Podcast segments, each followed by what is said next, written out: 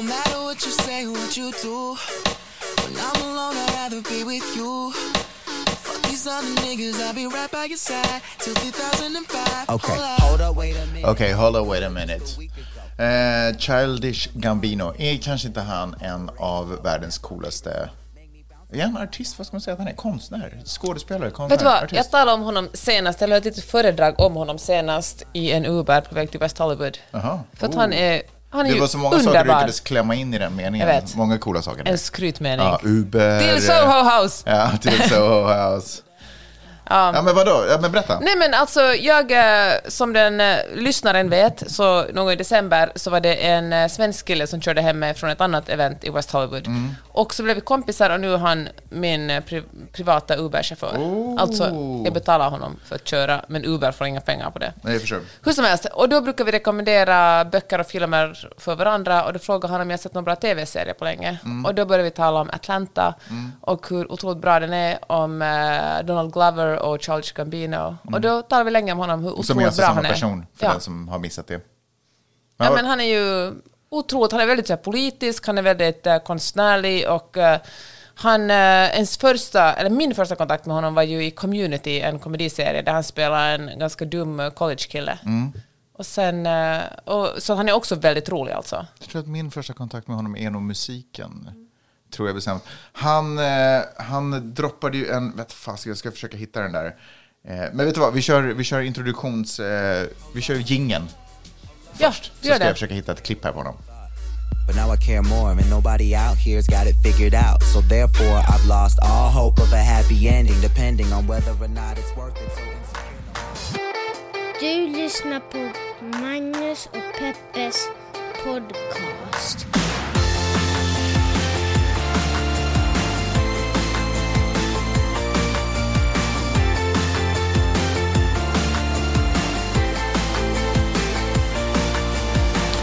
Hörni, ni ska känna er otroligt välkomna till podcasten som heter Magnus och Peppes podcast! Woo! En podcast där vi pratar om stora och små händelser i världen och så gör vi det ur ett journalistiskt, feministiskt och mediagranskande perspektiv, så ni har spelreglerna där. Eh, vi, står, vi, sn- vi snackade precis, eller vi nämnde precis eh, Donald, Donald Glover. Heter, Ja, han heter så va? du sa det rätt. Ja, bra. Vänta, vad heter han som spelar med i Lethal Weapon? Ingen under eh, 50 tog den referensen, men han heter Danny Glover. Danny Glover. Ja, skitsamma. De är ju inte släkt. Nej. Men det spelar inte så stor roll. Eh, det jag skulle säga åt honom, är han extra cool för att han inte är med på sociala medier? Eller för att han är snygg. Nej men alltså, är det, är det extra cred Ja. att han känner att han inte... Men- Han stängde ju av sitt Instakonto för ganska länge sedan vid det här laget. Vet du vad jag... Nej, vet du så här. Vet du vad alltså, jag? Vet du vad jag tycker? Ja. Eftersom du frågar vad jag tycker. Ja. Svar ja, men också tror jag att han är extra cool för det inte finns en massa dumma klipp på honom där han går och handlar på Walmart eller det kanske någon du ska handla på, men Whole Foods. Utan... För... skulle han aldrig handla på... Jaha, okej, okej. Ja, nej. men alltså för det Men Ja, ja, ja. jag tänker det, jag tror faktiskt att kändisar gör sig själva en björntjänst när de visar för mycket av eh, sitt vardagsliv. För de Mm. tänker så här, gud vad härligt, det är lite sådär eh, behind the scenes. Men det gör dem också mindre magiska. De Ja. tänker så här att jag ska göra relatable innehåll och det gillar man ju som, eh, som följare eller populärkulturkonsument. Men man förlorar ju också en liten del av det där distansen och det där gnistrande, ja men det lite glittriga det avståndet till någon som man beundrar. Ja, förstås. Och jag tror att så det är liksom, han är, jag, tror vi tycker han är extra cool därför för att vi vet mindre om honom än vad vi vet om andra stjärnor. Men det gör ju honom också extra svår att relate to. Men vet du vad, kanske grejen är att man inte ska relata till honom, utan man ska relata och gilla det han gör. Mm, Man ska, liksom skita i vem han är som människa och vad han Ja. tycker och tänker. Och har... Man ska låta hans, han låter sin konst tala Ja. för sig. Med det sagt så Jag sa han... det där ironiskt, men jag menar det Jag faktiskt. förstår. Men med det sagt så gör han ju intervjuer. Så det är ju inte så att han är, undviker alltihopa. Han kanske inte gör många, men han gör intervjuer. Fast det är en helt annan sak. Jag tänker att så här har ju alltså, kändisar gjort ända fram till sociala medier. Att man har Mm. gett mer eller mindre intervjuer och kanske vissa utvalda medier. Men eh, det är en helt annan sak att kunna visa sig själv liksom osminkad i sitt hem. Som säkert Mm. också har någon slags... eh, Så jag förs- förstår absolut att det är bra content. Men jag tror verkligen att eh, det är smart som, att göra som han gör. Att Ja. hålla distansen till sina följare. Men kan man också säga att det är lite modigt? Alltså i ordets mest ödmjuka betydelse. Nej, jag tycker faktiskt inte. Nej, men sådär, att våga stå utanför någonting när det känns som att det är ett socialt tryck på. Jag kan tänka mig att de flesta PR-byråer bara, ja du ska ha so Mm. so social media presence, bla bla bla. Och han bara, I'm not, jag kommer inte spela det Nej, spelet. jag tycker det är en smart strategi. Jag skulle inte säga det modigt. Nähä, okej. Eh, han var med för typ tio år sedan. Så han har ju varit med länge. Men för tio år sedan så var han med i ett morgonprogram som heter Sway in the morning. Som jag faktiskt tror att Eminem köpte. Ja, för den heter, kanalen heter Shade 45. Så jag tror faktiskt att Eminem köpte den för ett tag sedan. The morning i alla fall. Och det är ett ställe där man kan gå in och så kan man droppa en freestyle. Eh, och jag tycker att vi ska faktiskt lyssna på Det är ju en rabbit hole du har fallit ner i en och annan gång. Att, Att kolla- lyssna på olika kändisar som freestylar där. Ja, alltså oftast eh, musikartister. Men jag kan också säga, åh, vad fan heter den där, eh, vad heter den där skådespelaren som är så här, do it, just do it! Uh, Shia LaBeouf. Ja, han har ju också varit i Tjej in the morning och droppat en freestyle. Freestyle, alltså ni som, in- alltså wow. Gå in och lyssna på talanger som kör freestyle. Här ska ni lyssna på Childish Gambinos freestyle. Drake's dad's Knowing the real voice. music's gonna last. All that other bullshit Gravelly. is here today and gone tomorrow. Alright. I like this beat. It's a cool beat. Yeah. Okay. Um. Yeah. Let him speak. I know I'm meek, but the mill's louder. Watch the throne, kings kill. When the prince feels power, it's the real deal. Holy feel, holy shit, holy grail, silver spoon, coon, young buffoon. Yeah, they know me well. I'm making moves, couldn't lose, doing Parker Lewis. Hot on my own, self emulate, I could be a Buddhist. Hot on my own, check your tone, check your stance, homie. You don't even like me, you just trying to get my fans, homie. So nerdy, but the flow wordy. Brain freezing with the flow slurpy. Ice cold, but you know I burn cash like I had herpes. Not true, but I'm that dirty. Niggas quit being hot, man, cold turkey. While I'm out in Kauai, man, soul searching. And these niggas be afraid, and I'm so certain. Cause they don't know what to do when the world's broken. A lot of people try and go and talk shit, but your girl stopped me on the street like it's stopping frisking. A bunch of deep dots wanna talk a lot of shit, but that's cool cause in the real world they really don't exist. It's all because the internet. Chance made millions, Time made millions, Dan made millions, Kendrick made millions. I would too if I wasn't in my feelings. You know, cause like the people say money's not everything, but money you need money to do what you want to do. Like money is power, honesty is power, truth is power. You know what I'm saying? Word, word. Like that's what, like that's what I'm saying. That's but point. at the same time, they be telling you like you know they ain't nothing more important than the moolah. We ain't really eating, boy. You gotta get your food up. We so steady eating, baby. You already know that. The way I'm dropping new shit, I'm sitting on the toilet every night. I told that moment, but we don't take pictures when you're rich. You just see it again. The only Den fortsätter ett tag till. Men alltså, hello. Han eh, säger, jag tror att det är den här intervjun sen efter, så säger han så här, jag, I'm, I'm starting to get the hang of this rap thing. Det är bara någonting han bara skjuter in från eh, höger. Han är egentligen typ så här skådis kanske. Ja. Det var kanske hans första passion. Nej, men alltså Childish Gambino, han är ju musikartist också. Jo, men han måste, jag tror att han ändå började som skådis. Och sen var så ja, här, jag gillar ja, ja, musik. ja. Okej, låt fair mig, enough. Let fair me enough. try this. Ja. Men ja, du sa att den här var inspelad tio år, för tio år sedan. Tio år sedan. Jaha, ja, ja, då fattar jag vad du menar. Eh, men eh, jag tycker det är mäktigt med människor som eh, är dukt, alltså, alltså talang. Alltså han är ju multikonstnär. Jag tycker att det är så jävla coolt. Det är ju vanligare att man bara är målare och viger sitt liv åt det och blir otrolig på det. Eller att man är eh, skådis.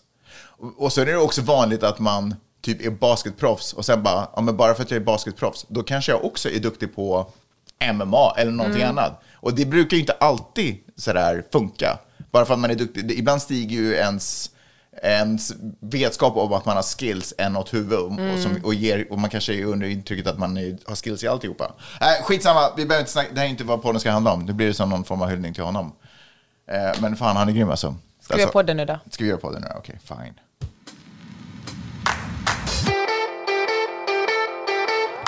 Lite snabbt bara Peppe, jag har inte ens kollat hur du... Jag bryr mig mer om Childish Gambino än jag bryr mig om dig verkar det som. Hur mår du?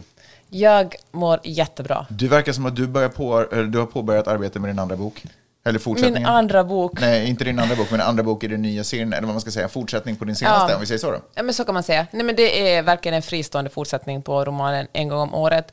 Så nu stiger jag upp klockan sex på morgonen och skriver en timme och eh, försöker få ihop en bok till det. Jag eh, sov, jag höll på att säga att jag inte får sova. Vet du vad, jag får inte sova i sovrummet. Nästan. Jag, så jag är ju eh, ackorderad på soffan. Jag, hyr jag, hyr, jag är inhyrd här kan man säga. Du vill inte sova i sovrummet för att Miley sover där med Ja, mig. men Miley's, alltså jag är utjagad. Och Ja, ja, ni, ja, ja. vi behöver inte gå in på detaljer, men ni har vidrigt varmt och i barnens rum så är det vidrigt kallt. Så soffan är någonstans där. Ja. Lång historia kort. Jag vill bara säga att jag tycker det är otroligt mysigt att vakna upp till ett litet sådär. Det är otroligt. Det är som när jag var liten och jag vaknade upp i, när jag var hälsade på mormor och hon var i köket och pysslade lite medan Ja. man vaknade. Otroligt hemtrevligt, Peppe. Jag uppskattar det. Ja, vad roligt. Alltså, jag tycker också det är mysigt. Och det skulle jag inte höra om jag låg och sov i sovrummet. Nej, så det finns fördelar med att sova på soffan. ja, men eh, det här är någonting som bara intresserar mig, men jag tänker säga det i alla fall. Mm. Jag var ute och red häromdagen. Det har ju liksom regnat, vi ska tala om vädret snart också, Mm. men det har ju regnat så mycket att vi varken har kunnat surfa eller rida på jätte- jättelänge.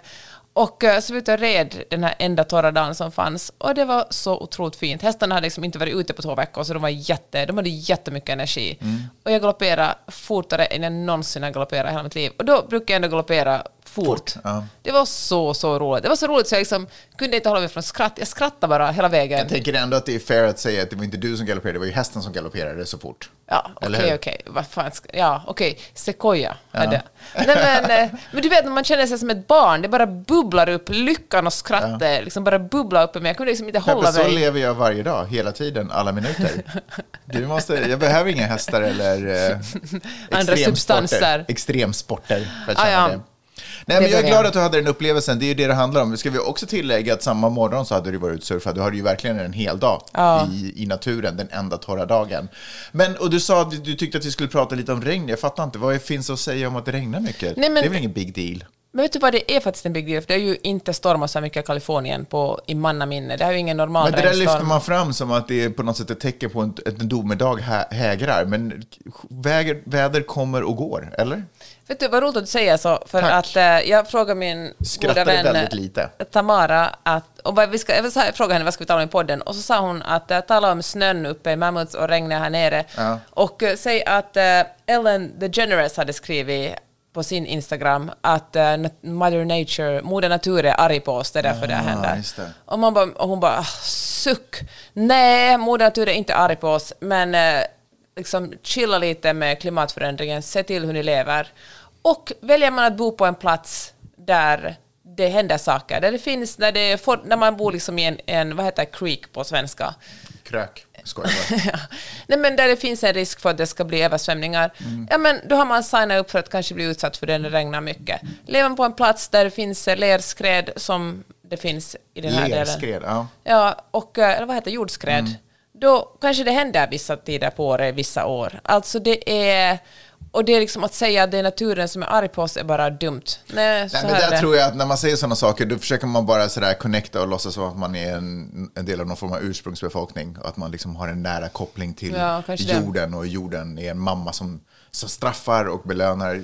Ja, min övertygelse är att jorden, jorden gör vad jorden gör. Alltså allting vi gör har konsekvenser. Eh, beter vi oss på ett visst sätt så kommer vissa saker att ske. Men regn är inte bara dåligt. Jag förstår att det är, o, det är ju inte... Alltså jag förstår att saker och ting kan hända om man bor i områden där det rasar saker. Men regn är också något vi behöver. Alltså det är ju supertorrt här. Ja, jag- fast nu regnar så mycket att, att naturen inte riktigt kan hantera ja. regnet. Men det är säga över snart ändå. 15 personer har dött sen december. Här i Kalifornien? Ja, på grund av de här regnen. Vad skojar du? Hur då? Nej. Nej, men alltså, Hur dör man i regn? Bilar har svepts ner i havet, alltså folk har blivit under mudslides. Det har... Ja, Skoj, är det sant det här du Jag säger? läste just upp det för jag skulle tala om det här podden. Oj, Till skillnad från dig förberedde jag mig. Shit vad sjukt. Alltid förbered dig. Mm, nej, det är inte sjukt.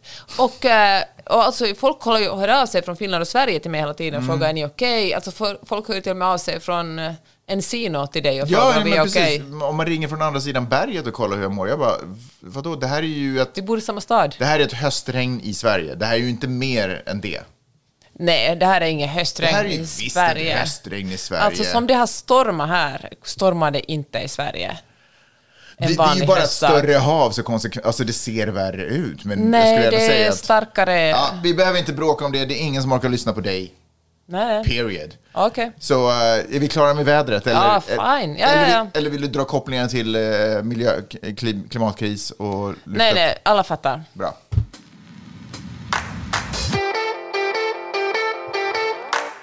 Jag skulle prata om att USAs hus, representanthus äntligen har fått eh, en speaker. Behöver En jag- talman. En talman. ja, så de, har, de har alltså inte fått en högtalare, utan de har fått en talman. eh, och det här kanske man i Sverige, vet man ens om att det här händer? Jag vet inte. Har det någon effekt? Whatever, jag vet inte. Men för mig som bor här och som tycker att det är roligt att titta på politiska händelser, men också som på något sätt ganska nära har fått leva och uppleva Trumpland och eh, galenskap där en, minoritet, en galen minoritet har fått oförtjänt mycket inflytande, röst och, eller talan och eh, makt.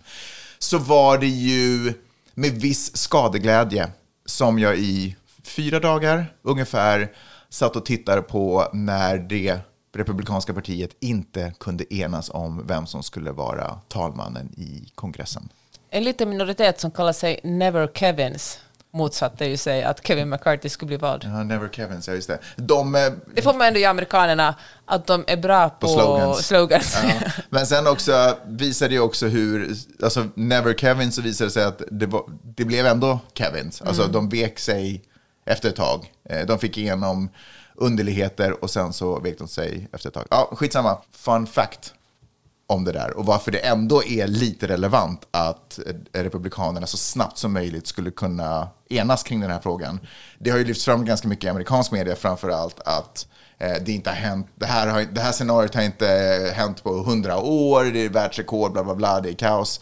Men det som ändå är liksom på riktigt relevant är ju att inget arbete kan sättas igång. Man kan ju inte stifta några lagar, man, kan inte, man har inget överseende. Eh, Det, det finns egentligen inga kongressledamöter. Ingen får lön där. Ingen får lön där, var, vare sig kongressledamöterna eller deras staffs, deras assistenter, deras, ah, ingen, ingen får lön. Men de har inte, det finns egentligen inget, eh, det finns inget styrande segment, Organ. I, eh, organ i landet. Och det är ju ändå ganska anmärkningsvärt.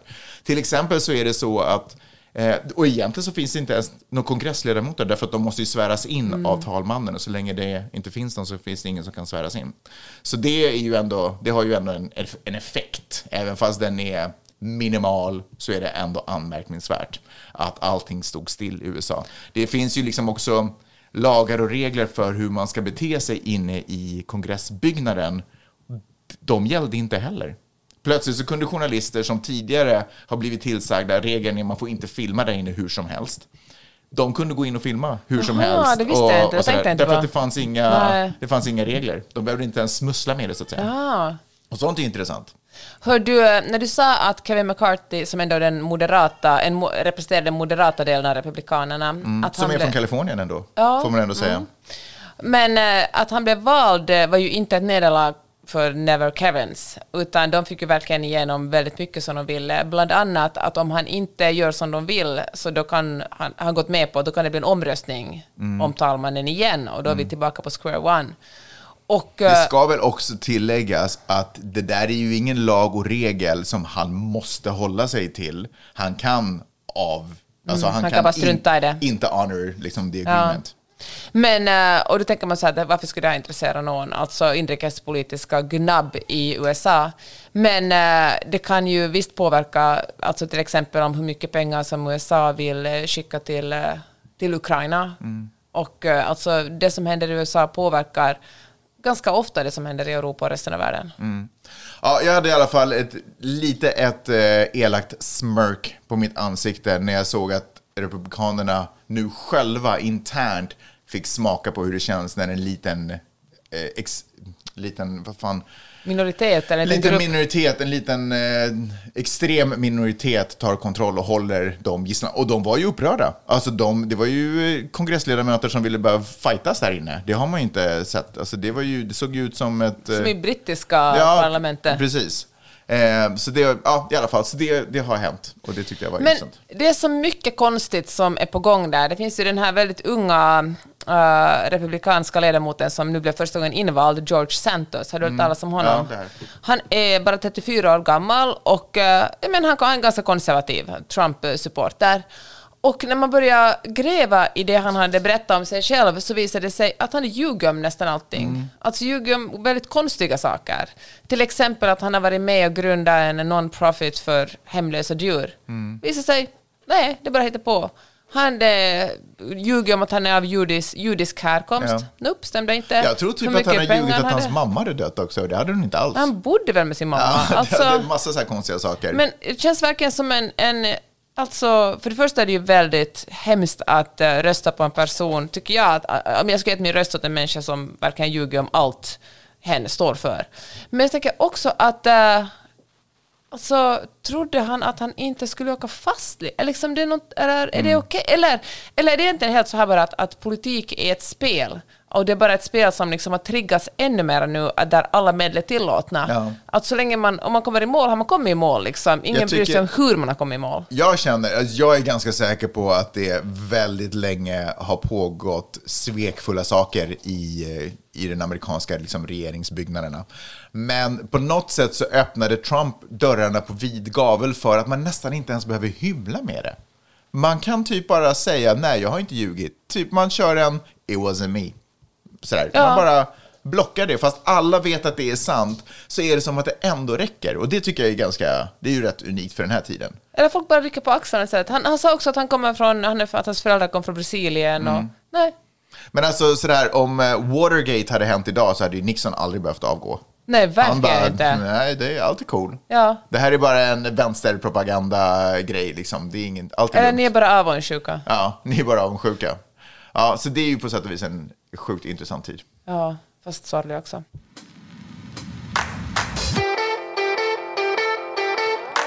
Jag är fortfarande väldigt nyfiken på vad, vilken roll Trump spelar nu och vad eh, konsekvenserna kommer bli för honom. Han, parallellt med allt det här som händer och hans, de eh, kongressledamöter som han har gett sitt support för och hur det går för dem, som förstås kommer reflektera eller återspeglas på hans möjligheter.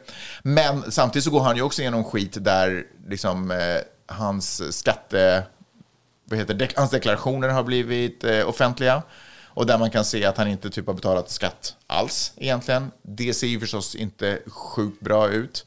Eh, och sen också att han har i att han har i kölvattnet också det här med att han kandidaten som han eh, eh, endorsade inför mellanårsvalet, att det inte heller gick så superbra för alla dem. Eh, så att han har ju ganska mycket motgångar nu, samtidigt som han fortfarande eh, inte, eller han, att han fortfarande är, att han kommer ställa upp som president. Jag kommer att länka till en jätteintressant artikel om det här i, i fredagens nyhetsbrev. Så där Han, ja, har säg. du något att vänta på, Magnus. Ja, det, det ser jag fram emot. Han, han ringde ju, mitt under den här omröstningskalabaliken i kongressen, så ringde han ju en av de här... äh, hög- Marjorie Taylor Greene. Ja, precis. Eh, Man ser, det finns en bild där man ser så här, DT, Donald Trump, liksom på telefonen att han ringer. Så det var ju hela tiden en massa så här, jag skulle bara vilja vara en fluga på den väggen och lyssna på vad är det som sägs, vad är det han säger, säger han stå på er eller säger han eh, ni måste få igenom den här dealen, den här dealen, den här dealen. Alltså vad är det han, vad jobbar han för? Och de är ju inte många. Alltså, det får man väl ändå säga att det var ju två, över 200 personer som röstade på Kevin McCarthy och bara ursprungligen kanske det var 16 personer som, som, inte, som vägrade ge honom rösterna. Eh, och, faktum, och grejen är att man måste ha en majoritet. Rösterna måste vara, alltså det måste vara en majoritet hela tiden. Eh, men det var eh, otroligt. Eh, jag är väldigt nyfiken på hur det här kommer påverka Trump. Jag Och tror... gameplanen är, det är väl mer det.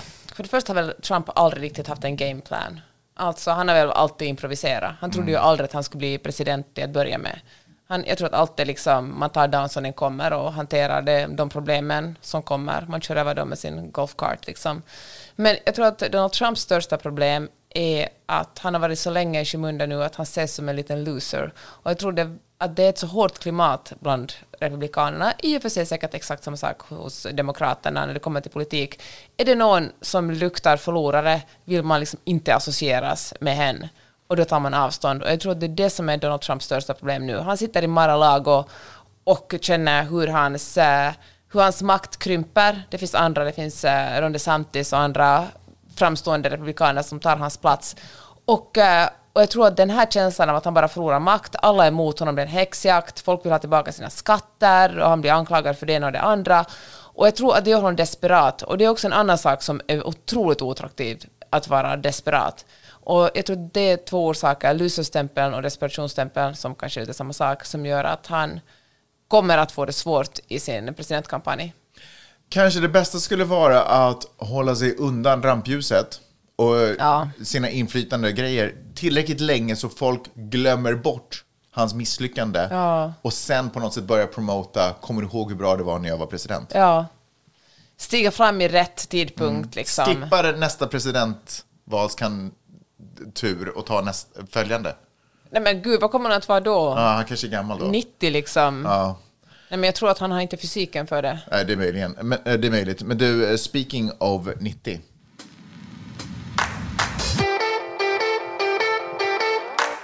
Biden börjar se väldigt, väldigt gammal ut nu. Han har ju varit gammal länge, men nu börjar, jag såg när han var han åkte ju för första gången ner till Texas. Mexi- Texas. Ja, han måste ju ha sett oss vara vid gränsen, så han kände att han också bara, jag vill göra som the Omans. Eh, Så han åkte ner till gränsen för att ta titt på det som egentligen är Kamala Harris ansvarsområde. Men nu så, så här, han måste göra någonting åt den här eh, kaoset där nere. Och jag titt, Det är tittar alltså väl, jag kan, för de som inte följer med slaviskt nyheterna så finns det väldigt många immigranter som vill komma över gränsen och det Mm. verkar inte bara mexikaner utan det är folk från Guatemala och El Salvador och andra länder där våld är extremt och gängen är otroligt hotfulla. Det är liksom folk som riskerar sina liv och stannar kvar i sina länder och som vill komma in i, i USA. Det ska också sägas att precis som vädret kommer och går så kommer de, de här vågorna också, vågorna av, eller folkströmningarna kommer också går. Och det hänger naturligtvis ihop med konflikter och, och situationer i de här ursprungsländerna. Men eh, det verkar också vara, eller det är också så att runt juletid så drar folk också upp. Jaha.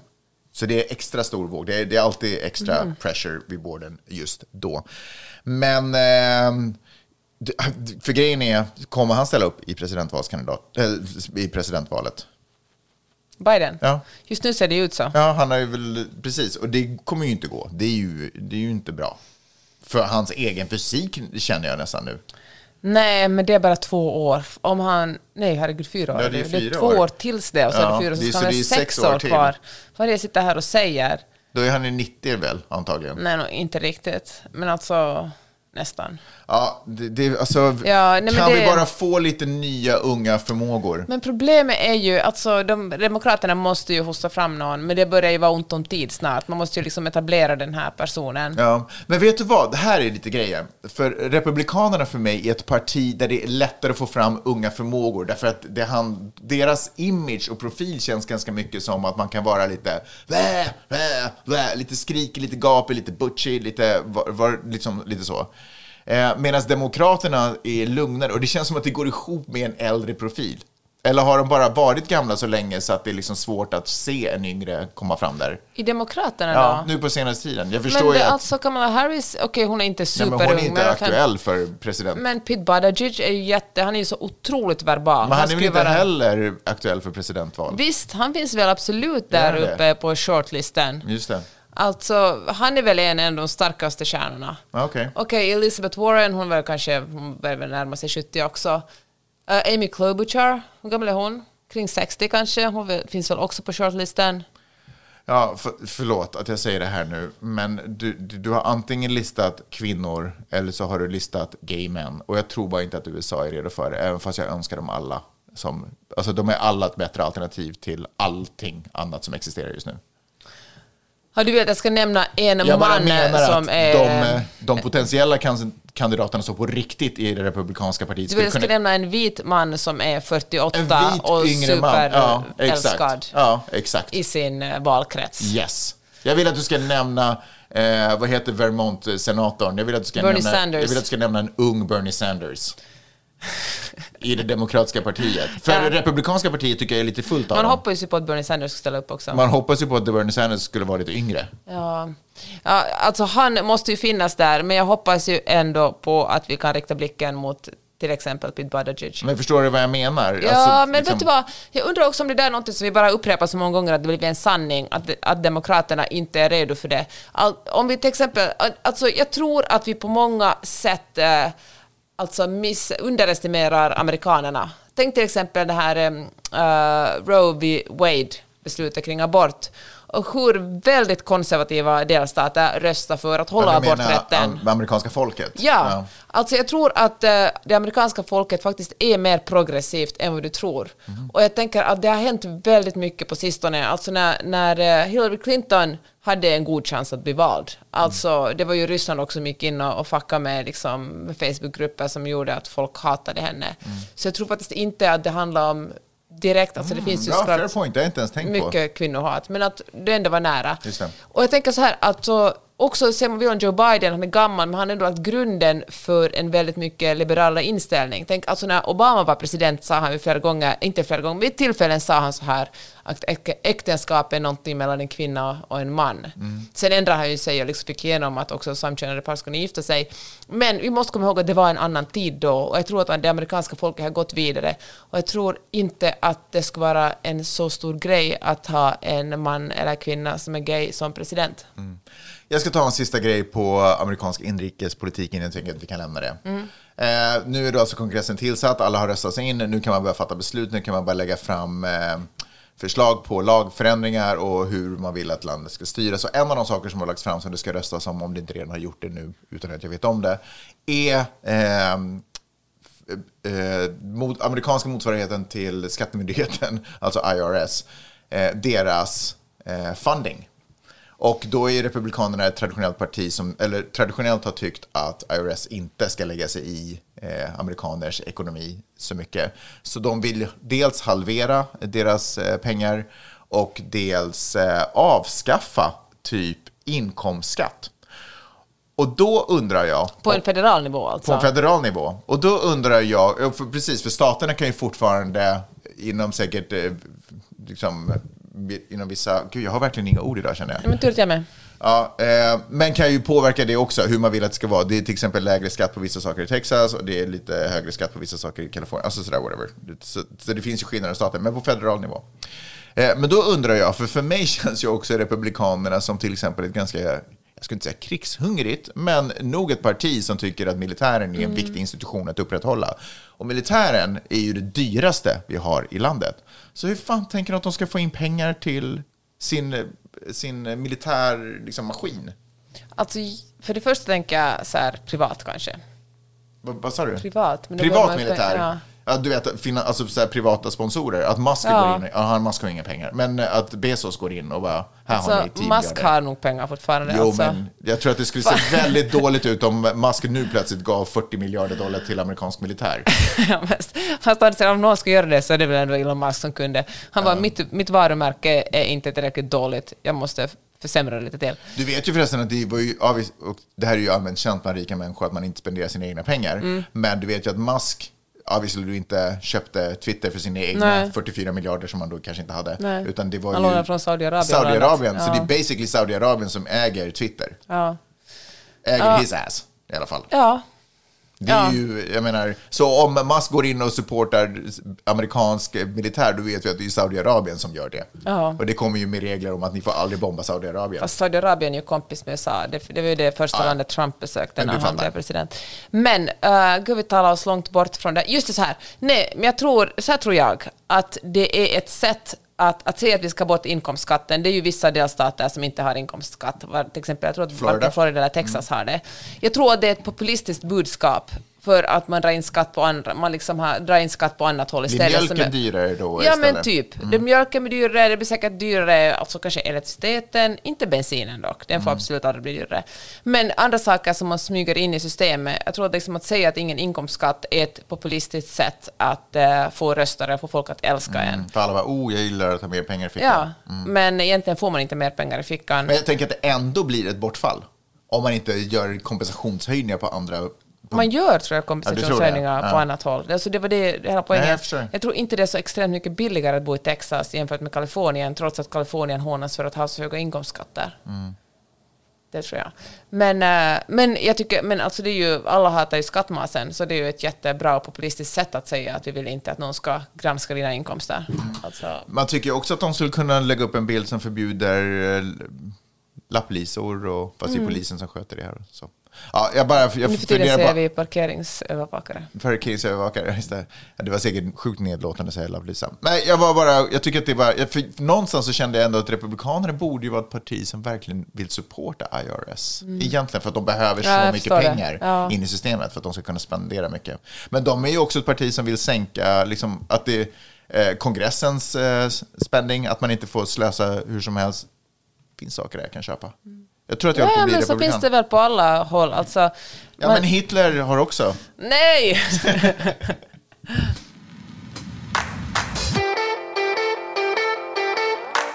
I den här podden har vi talat en del om ehm, AI och uh, ChatGPT. Ja.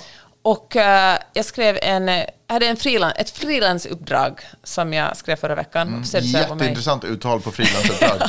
jag hoppades att du skulle förbise det. och jag skrev det på engelska, vilket var extra kul. Det var så roligt att skriva. Eller säger du nu att det var AI som skrev det? Nej, men vet du vad, jag hade tänkt så här, det här är mitt första uppdrag som jag kan testa på ChatGPT. Och det var väldigt roligt, inte särskilt effektivt ännu, men det kan vara bero på att jag, jag tänker jag måste bli jättebra på att använda den, för att jag tänker att som med allt annat, det finns ju folk som är sämre på att googla och folk som är bättre på att googla. och jag tänker att, att det lär för mig bara att bli riktigt jäkla bra på ChatGPT. Och, eh, men det var ganska roligt, för jag testade texten. Jag var sådär, eh, jag, gjorde intervjun och så skrev jag en text och så, så la jag in den och så var jag sådär, gör den här till bättre engelska. Och så kom det en version som jag verkligen inte höll med, för jag tyckte de tagit bort vissa roliga formuleringar och sen korrigerade de tillbaka. Och så var jag sådär, gör det här till en eh, magasintext. Och så kom det en ny version på den. Och så jag körde den igenom några gånger och eh, typ var sådär, finns ett bättre sätt att säga det här på? Och jag säger inte att texten blev hemskt mycket bättre av den, men visserligen, vissa formuleringar, vissa ordval köpte jag och la in i, i, i den texten som jag sen skickade vidare till redaktören. Intressant. Är det här etiskt korrekt? Det är ju det som är den stora frågan. Var drar man gränsen? Är det etiskt korrekt att använda spellcheck? Ja, det har kanske inte med Det får innehåll man väl att ändå göra. säga att det är. Alltså när jag skriver böcker använder jag synonym. eh, Det Alltså, gör Magnus Uggla också när han skriver låtar. ja, då har vi två. Eller nej, vänta, det var rimboken han, han vad ska han ha synonymer då till? är jag en. Ett annat ord för full. Ja, nej men, eh, ja, men det var roligt i alla fall. Jag tror att, eh, alltså jag tänker så att på det sättet vi talar om ChatGPT nu kommer vi att se tillbaka om ett år och vara sådär, åh så gulligt. Ja, det är så att de testade lite. Ja. Men då är ingenting skrivet av en enda människa någonsin.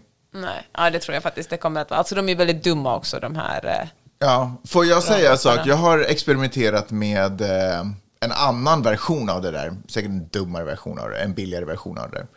Eh, och eh, jag tycker att det är roligt att se hur dat datorn, gud vad gammal jag nästan, hur AI, liksom, eller hur den här programmeringen resonerar. Så jag bad den skriva en liten artikel på tre fördelar med rasism. Jaha, hur reagerar den då? Den bara, nej, rasism är avskyvärt. Då valde den liksom en syntax som är sådär, man, den, får, den har säkert någon sån här regler. Typ som i, i den här filmen med Will Smith, som är baserad på Isaac Asimovs eh, bok. Robots? iRobot? Någonting sånt. Nej, Robot. Ja, skitsamma. Eh, som är sådär, den får varken, den får inte döda eller skada en annan människa. Du vet att den verkar komma med Men- en viss syntax. Men vet du vad, jag lyssnade på en, eh, jag tror det var Hardfork, en, en podd jag lyssnade på som handlar om teknik, som sa att det finns såklart alltid sätt att gå runt det här. Och då kan man säga så här att uh, testa säga att skriv, ett, eh, skriv en scen i en film där en person som är rasist argumenterar för varför hen är rasist. Och då, Ah, just det. okej. och eh, alltså nu menar jag inte att just det här exemplet är något alla ska använda, men det finns ju vissa spärrar som du sa, som också som gör att, eh, men då kan man gå runt- det- den används i kodning väldigt mycket också, den här, man bara skriver kod för här, den här grejen och den där grejen och skapar ett program som kan göra det här och det där. Det är ju otroligt effektivt. Så, och men då finns det också folk som tydligen använder väldigt mycket för att hacka in i andra människors bankkonton och liksom få deras uppgifter. Men det som, för, förlåt nu bara pratar jag på det här, men jag tycker det är så intressant. Det där med rasism, det fattar man ju, det är inte en bra sak att få bra argument för det. Men jag skrev någonting annat tidigare och då var jag så här, en feministisk version av det här. Och då var den också sådär, wow, wait a minute, att kom ihåg att man kommer med sina ideologier. Ska man vara försiktig så man inte sårar någon annan. Och då blev jag, ja men då blev jag lite rosenrasande, för jag tänker att det är en ganska stor skillnad på att vara inkluderande Alltså att vara, göra någonting feministiskt och se saker och ting, eller som att vara antirasistisk. Liksom. Men jag tycker att här touchar vi på saker och ting. Det betyder att det fria ordet begränsas Ja. ju och fri, ta, tankefriheten begränsas ju till viss del. För det är klart att jag, jag supportar inte en text som argumenterar för rasism. Men jag tyckte det var intressant att se var gränsen går för vad den kommer kunna leverera till Mm. mig. För den, det finns ju inga känslor i vad den. Det är ju en, det är Nej. bara en process. Liksom. Men den baserar ju allt den kan på det som finns på internet. Och ja, internet fast det finns ju också, det finns ju andra, ja, men det är Nej. klart att det finns argument för rasism på internet. Ja, men den är ju kodad så att den inte ska kunna säga det, Jag förutom om det. du går runt det. Och då är det ju någon som har satt gränsen och det är ju bra i det där fallet kan man tycka. Men precis som du säger i ditt fall Ja. så får det ju konsekvenser därför att då bromsar den där också. Då är det ju, då är det ju någon som inte som har programmerat, som har satt reglerna för, som Men- försöker skydda sitt eget ass. Men också så här, alltså internet är ju på inga sätt en neutral plats. Utan internet är ju, domineras ju av vita män som inte sällan har vissa fördomar mot folk som Mm. är kanske av annat kön och hudfärg eller trans eller sexualitet eller vad som helst. Och det är ju den källan av information som ChatGPT tar sin, tar alltså går ner i och liksom tar sin information från. Så man ska absolut inte tro att det här är någon slags här neutral, allvetande robot, utan det kommer verkligen med sina, ur, sin egen, ur ett internetfilter. Får jag också lyfta fram en eh, annan grej, eller liksom en aspekt, eller liksom typ en weird vinkel på det här. Nämligen att om jag skulle skriva en text, vi tar rasismexemplet igen, jag tänkte på det ännu vidare nu, men vi tar rasistexemplet igen. Eh, om jag skulle skriva en text som, eh, han, som tre, tre fördelar med rasism, så skulle ju folk vara sådär, men vem är den här skribenten? Alltså, cancella, blocka, han är stö- ge honom psykisk hjälp. Men nu har jag ju inte skrivit texten. Jag har bara frågat. Egentligen. Jag har typ bara googlat det. Liksom. Och då blir ju inte, för man kan ju inte... Varför har du publicerat den här texten? Vad sa du? Har du publicerat den här texten? Jag har visserligen inte. Eller jaha, du menar i mitt hypotetiska exempel? Ja. Nej, Men gud, trodde du att jag... Ja. Ja, nej, eh, nej jag, bara, jag jag vet vet- inte. Jag bara tänkte så här att förskjutningen blir på vad, alltså det, skulden ham- flyttas ett steg till vem har initierat den här texten. Förstår du vad jag menar? Fast jag tänker att man kan ju inte förbjuda tankar. Men man kan förbjuda någon som sprider tankar. Ja, men jag tänker att det kommer vara otroligt svårt. Det kommer ju bli ett typ ett Tucker Carlson-samhälle där det, kan väl inte vara mitt fel bara för att jag ställer frågan. Jag har inte skrivit den här texten, det är en apparat som har gjort det. Förstår vad jag menar? Är ju kanske där den. Jag ställer bara frågan. Jo, jag vet, fast det känns som att ändå vissa nyhets... Eller de flesta nyhetsmedier försöker ju ändå hålla, hålla sig borta från den gränsen. Man ställer inte bara frågor, man förklarar djupt och ingående och objektivt så gott det nu går. Men jag tänker att an eftersom tiden går och vi vänjer oss vid den här teknologin så känns det som att det öppnar upp mer och nästan lite sådär inspirerar och uppmuntrar till att skriva texter som man egentligen inte är fullt ansvarig för. Förstår du vad jag menar? Fast jag tänker att om man publicerar med dem är man ju ändå ansvarig för dem. Då är man ansvarig också för vad AI har producerat. Ja. Om man har bett den producera någonting och publicera det, då publicerar man det under sitt eget namn. Ja.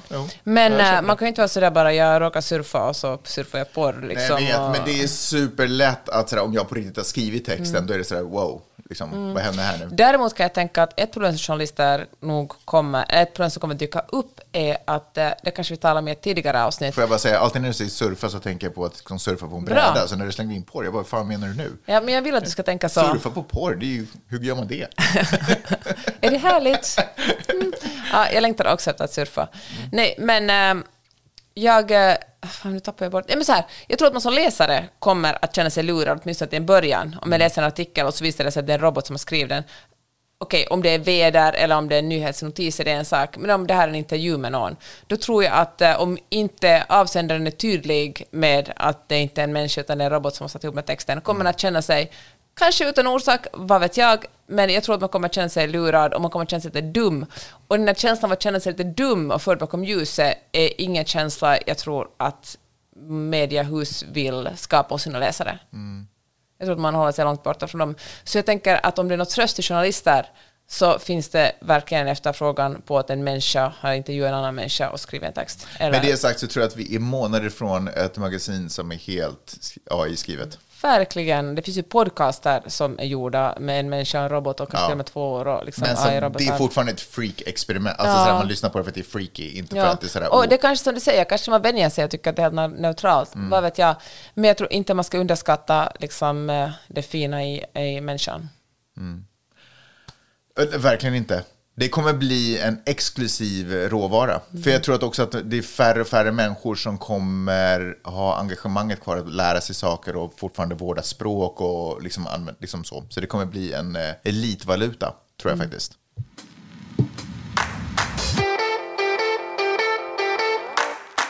Jag har en liten trendspaning innan vi slutar. Aha. Så här, poddar. Vänta, ska du trendspara på podd? Det är inte jag som borde komma med en trendspaning på poddar. Du gör poddar, jag trendspanar. Ah, okej, poddar. Okej. Nej, men så här, poddmediet kommer att växa Mm. ytterligare. Poddarna blir såklart bättre, får bättre ljud, blir liksom, folk blir bättre på att prata, på att berätta historier. Man förutspår att, I USA förutspår man att 200 miljoner människor kommer att ha lyssnat på podd det här året. 200 miljoner, så kan två tredjedelar av alla amerikaner, 200 lite mindre. ja. Ja. det är mycket. Nej, men Det var verkligen 100 det. typ för förra året eller förra, förra året. Ja, det är ett bra, tillgängligt och enkelt medium. Mm. Men det som kommer att bli ett tillägg är att fler kommer att spela in video när de gör poddar. Alltså, Nej, vad deppigt. folk som spelar in kommer också att finnas på video. Varför är det deppigt? Nej, men det är tråkigt därför att hela poängen med podd, jag älskar ju liksom ljud, Mm. eh. Eh, det som, där vi tar, där man inte måste se snygg ut eller ha rätt kläder på sig eller någonting, utan där det är bara historien som eh, är tyngden och väger upp Mm. sig själv. Och då drar vi oss ändå åt det hållet där vi, det är som att vi gör utvecklingen där, vi, där radio uppfanns och sen bara, nej men jag skulle se hur någon ser ut. Och så Mm. bara, ja men så är vi inne på tv liksom. Ja, man måste ju inte kolla på dem, men jag hör vad du säger. Alltså, de kommer ju att finnas där i videon. Men vet du vad, jag tror faktiskt att det här är... Tror, det kommer ju påverka podden också för att det kom ljudupplevelse, eller alltså berättandet också, därför att den kommer ju huvudsakligen göras Mm. för ett, med, visuell, med ett visuellt tänk. Det är sant. Men jag tror det här är ett naturligt steg från Instagram till TikTok också. Alltså Instagram är ju så väldigt influencer tillrättalagt. Alla färger ska vara perfekt, alla ska vara supersnygga under filter och liksom posera snyggt.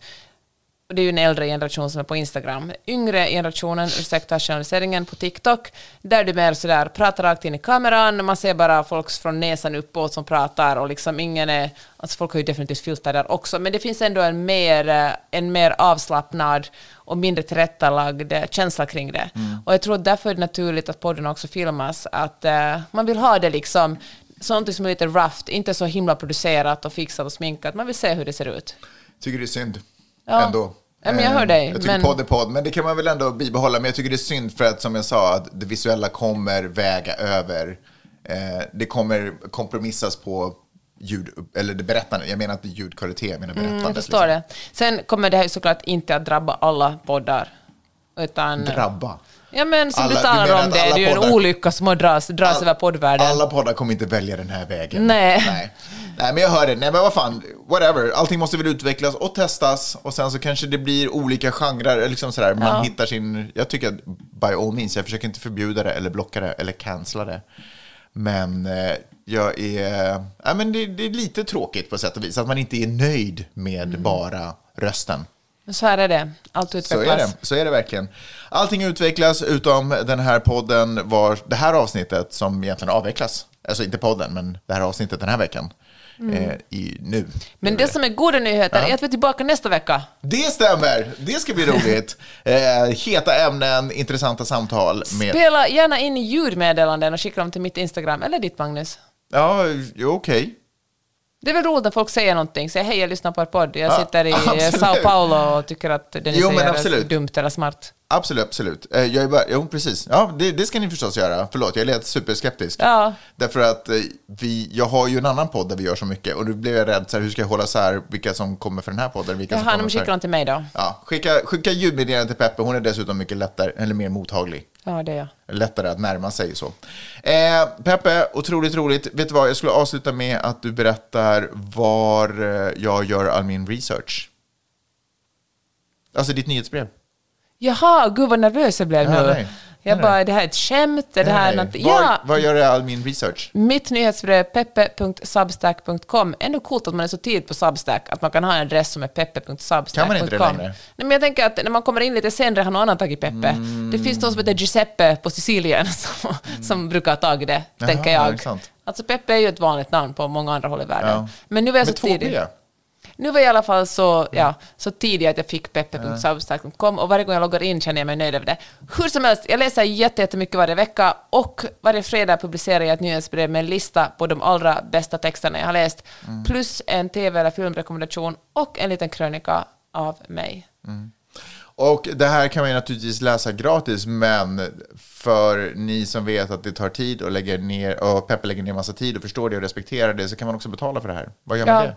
det gör man också på Substack. Det kostar 5 dollar i månaden och då får man fyra nyhetsbrev, och inklusive krönikor och allt annat. Och jag uppskattar det enormt mycket för att jag lägger ner jättemycket tid på att det ska bli bra. Och det är högkvalitativt och till skillnad från mycket annat som man hittar på nätet så kan man verkligen lita på det här innehållet. Därför att det är kurerat av ingen mindre än yours truly, Jeanette Marie Öhman, a.k.a. Peppe. Icke att förväxlas med italienaren Giuseppe.